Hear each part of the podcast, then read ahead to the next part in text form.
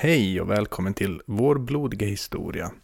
Jag som gör podden har inte bytt namn och heter fortfarande Dino Helmerfalk. Vi närmar oss slutet på den första säsongen av den här podden.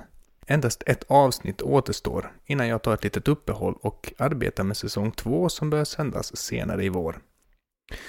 Tack vare er input, kära lyssnare, så har de här tre månaderna sedan vår blodiga historia startade varit enormt lärorika. Jag har gått från att inte kunna ett skvatt om hur man producerar en podd till att idag ha släppt nio avsnitt och inte minst har en trogen skara lyssnare som via mail och meddelanden lämnar synpunkter och tankar om de ämnen som jag pratat om samt eh, lämnar önskemål till nya ämnen. Podden har idag, när jag spelar in detta den 15 februari, laddats ner över 3390 gånger och varje månad visar högre siffror än den föregående. Ett tydligt tecken på tillväxt. Jag har tagit till mig av era önskemål och tillsammans med min egen vision eh, om vilken riktning podden ska ta har jag fattat beslut om lite nya eh, förändringar som kommer ske i nästa säsong. Vissa avsnitt kommer gästas av personer som är kunniga inom sitt respektive historiska ämne för mera djupgående samtal med mig. Dessa avsnitt kommer också bli längre. För er som gillar det nuvarande formatet, frukta inte. Jag kommer fortfarande köra solo emellanåt. Jag vill därför redan nu ge en shoutout till en av vårens gäster. Leif Selander är en författare som skrivit en trilogi som heter Väringasagan. En trilogi som utspelar sig under vikingatiden och som är baserad på verkliga händelser.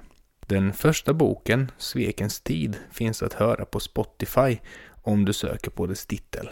Böckerna går också att köpa via vanliga bokaffärer online om man vill ha dem snyggt stående i hyllan. Leif och jag kommer att prata om vikingarnas slavhandel, något som du kommer stöta på ifall du läser eller lyssnar på Svekens tid, så missa inte detta.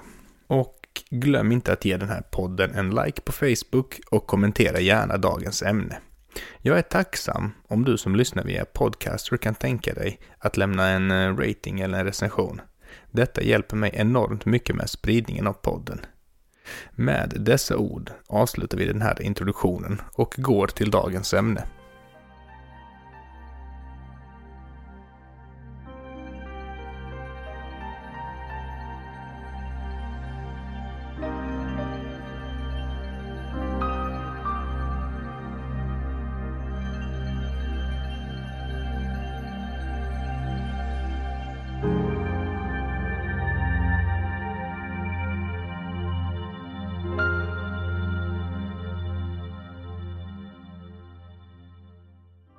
Ett av de mest välrenommerade yrken man kan ha idag är läkare. Statusvinsten i samband med en läkarexamen är troligen något mycket stort i de flestas ögon.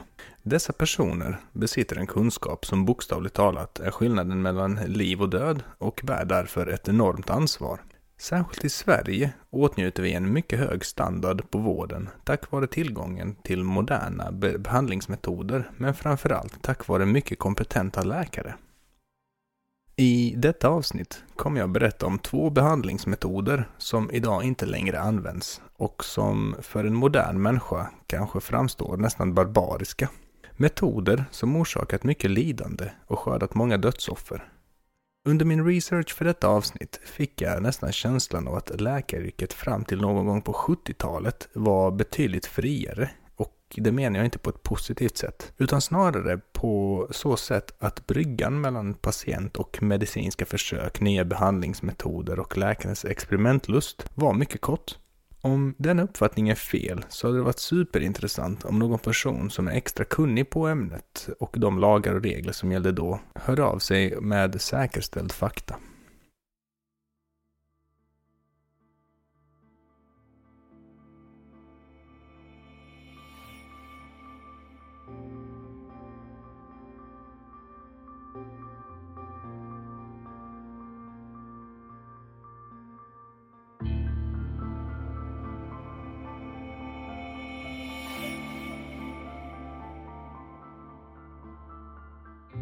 Genom människans hela historia har man ägnat sig åt att försöka förstå sig på sjukdomar, liv och död. Under förhistorisk tid alltså innan skrivkonsten uppfunnits, kan man kanske tänka sig att läkekonst borde vara en minst sagt primitiv sak. Må så vara, men man har faktiskt hittat kranier med spår av så kallad trepanation. Detta är en operationsmetod som går ut på att man öppnar en del av kraniet på den sjuke genom att avlägsna en liten bit. Förr gjordes detta med eh, exempelvis djur, vassa djurtänder, eh, men med tiden utvecklades instrument i metall. Tittar man på arkeologiska fynd så, så, så ser det hela ganska groteskt ut. Hål i skallbenet som i princip ser ut att ha utförts med en grov borr. Genom att utföra ingreppet kunde man lätta på trycket innanför skallbenet på personer som drabbats av exempelvis migrän bland annat. Då hjärnan är borta sedan länge på de här kranierna så vet man inte om eh, substans också avlägsnades. Men eh, det kan inte, därför heller inte uteslutas. Vi pratar alltså om en tid innan skriftspråk existerade. Det fantastiska i sammanhanget är att en del fynd visar på kranier med flertal operationer som varit lyckade. Kanterna där skallbenet borrats igenom har alltså läkt ihop vilket visar att patienten överlevt. Två mycket intressanta faktum är att av alla kranier från stenåldern som man grävt fram har nästan 10% spår av trepanation. Inte nog med detta, skallarnas geografiska spridning är anmärkningsvärd. Man har hittat skallar med borrhål på den amerikanska kontinenten, Europa, Sibirien och Kina. Till och med en fransk ko har fått genomlida borrningen för cirka 5000 år sedan. En rad alternativ kring trepanationens ursprung blir möjliga. Har behandlingsmetoden uppstått på ett ställe och sedan spridits med människan som vandrat ut i världen? Och i så fall, var uppstod den? Eller har den utvecklats parallellt i olika samhällen skilda från varandra? Den sista förklaringen jag kan komma på är att metoden spridits via handelsförbindelser och möten mellan olika stammar och samhällen. Något svar har jag inte hittat, men antagligen så ligger sanningen, som den oftast gör, någonstans emellan dem. Men om du kära lyssnare kan komma på ytterligare någon teori om hur trepanation spridit sig, så tveka inte på att höra av dig. Det hade varit intressant att försöka komma på så många spridningssätt som möjligt. Trepanation skulle komma att användas under lång tid. Faktum är så är behandlingen den äldsta kirurgiska ingreppet man känner till. Under antiken ska metoden ha brukats på patienter som betedde sig på ett sätt som inte betraktades normalt av resterande samhälle. Hippokrates, som anses vara läkekonstens fader, skrev redogörelser för hur proceduren utvecklats fram tills hans idag, alltså det antika Grekland. Under medeltiden användes metoden för att bota flera olika åkommor såsom slaganfall, skador av yttre våld och olika interkraniella symptom. Fynd visar att en stor majoritet överlevde ingreppet och att komplikationer på grund av infektioner inte förekom ofta. Bruket har inte helt försvunnit idag och används som behandling för bland annat subduralblödning, vilket kan uppstå på grund av yttre våld mot skallen. Detta leder till blödningar i hjärnan som i förlängningen kan, kan orsaka vävnadsdöd. Idag heter behandlingen dock kraniotomi och är betydligt mer förfinad än trepanation. Inte nog med att de kirurgiska ingreppen är moderna och effektiva, så lämnar dagens behandling oftast inget hål i kraniet utan benbiten placeras i regel tillbaka. Men eh, det finns undantag.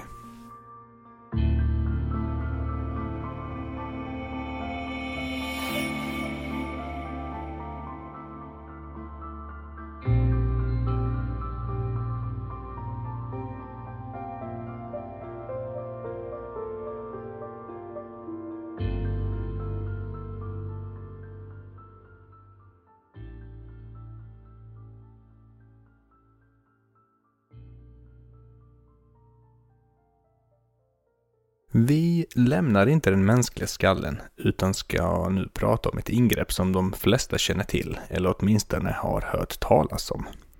Ett ingrepp som får nackhåren att resa sig och som för den moderna människan, även utan en läkarexamen, framstår som fullständigt galen.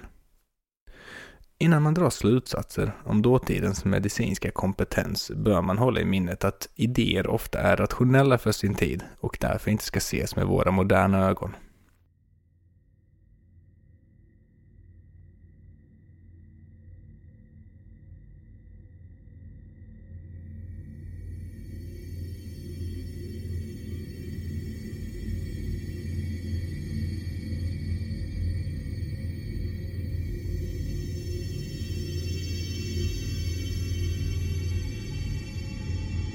Lobotomi är ett kirurgiskt ingrepp som fick ett brett genomslag under slutet av 30-talet. Syftet med metoden var att försöka bota psykiska sjukdomar genom att skära av nervbanor från pannloben till djupare de liggande delar av hjärnan. Egaz Moniz, läkaren som utvecklade metoden, fick till och med Nobelpriset 1949. Moniz själv saknade utbildning i neurokirurgi och genomförde inte det första eh, ingreppet. Operationen åtogs istället av en kirurg vid namn José de Mantos Sobral Cid och som hade assisterat Moniz med hans forskning som låg till grund för behandlingen. Den här tidiga lobotomin, operationen då, gick ut på att nervbanor i frontalloben skulle skäras av och etanol injiceras i den vita hjärnsubstansen genom ett trepanerat hål via kraniets sida. Vad ett trepanerat hål är vet vi ju i detta laget. Patienten i fråga överlevde och Moniz betraktade ingreppet som en framgång då patientens depression avtog. Men faktum är så skrevs hon aldrig ut från psykvården.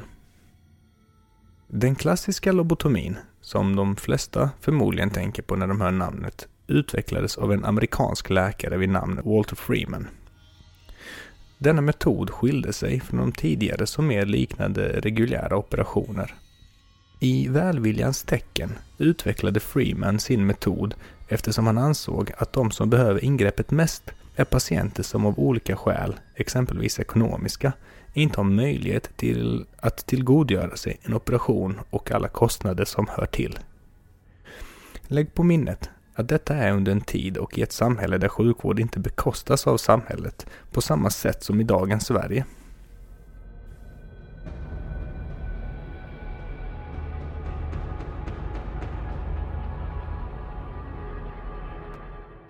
Freeman tog en ishacka som han hade hemma och började testa sig fram på djurkranier och grapefruit. Resultatet blev en metod som gick ut på att ett instrument som påminner starkt om en ishacka placeras under det övre ögonlocket och förs in i, bakom ögat i ungefär 15 graders vinkel tills det ligger mot det tunna benet bakom ögat. Därefter drivs spetsen igenom benet eh, genom att man slår in instrumentet med en klubba cirka 5 cm in i skallbenet. Därefter vinklas instrumentet 40 grader in mot näsan och förs sedan tillbaka till utgångsläget och slås in cirka 2 cm till, varpå det vinklas cirka 28 grader från sida till sida. Instrumentet förs därefter ut och proceduren upprepas på huvudets andra sida.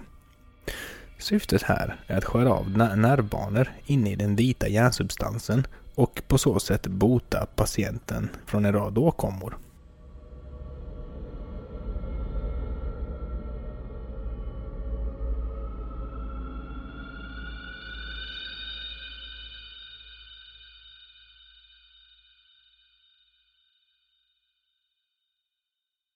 Norden blev ingreppet särskilt populärt i förhållande till storleken på befolkningen. Under cirka 20 år i mitten av 1900-talet lobotomerades ungefär 13 000 personer, varav 4 500 svenskar. Alla former av lobotomi upphörde under 60-talet i Sverige, men i Danmark kom metoden att användas ända till 1983.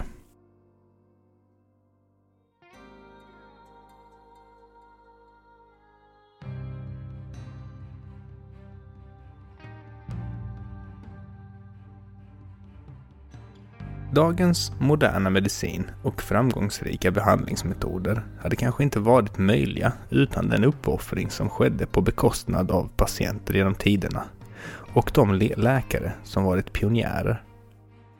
Läkekonstens historia är full av blodspillan. och Det skulle gå att göra en hel podd bara om olika föråldrade behandlingsmetoder. Jag gör gärna fördjupande avsnitt om ni kära lyssnare tyckte att detta var intressant. Vi har bara skrapat på ytan lite för att testa om ämnet tilltalar. Glöm inte att återkoppla er feedback till mig så jag vet. Då var ännu ett avsnitt till ända. Och som vanligt så hoppas jag att du vill gilla podden på sociala medier samt att skriva ett litet omdöme där det går. Glöm inte att berätta för dina vänner om att podden finns. Om två veckor återkommer jag med säsongens sista avsnitt. Till det sista avsnittet har jag sparat något särskilt. Då ska vi prata om Paul Ogorsov, eller S-barnmördaren. En tysk seriemördare som under andra världskrigets Berlin använde de nattliga mörkläggningarna av staden som skydd när han begick sina mord. Tack för att du har lyssnat.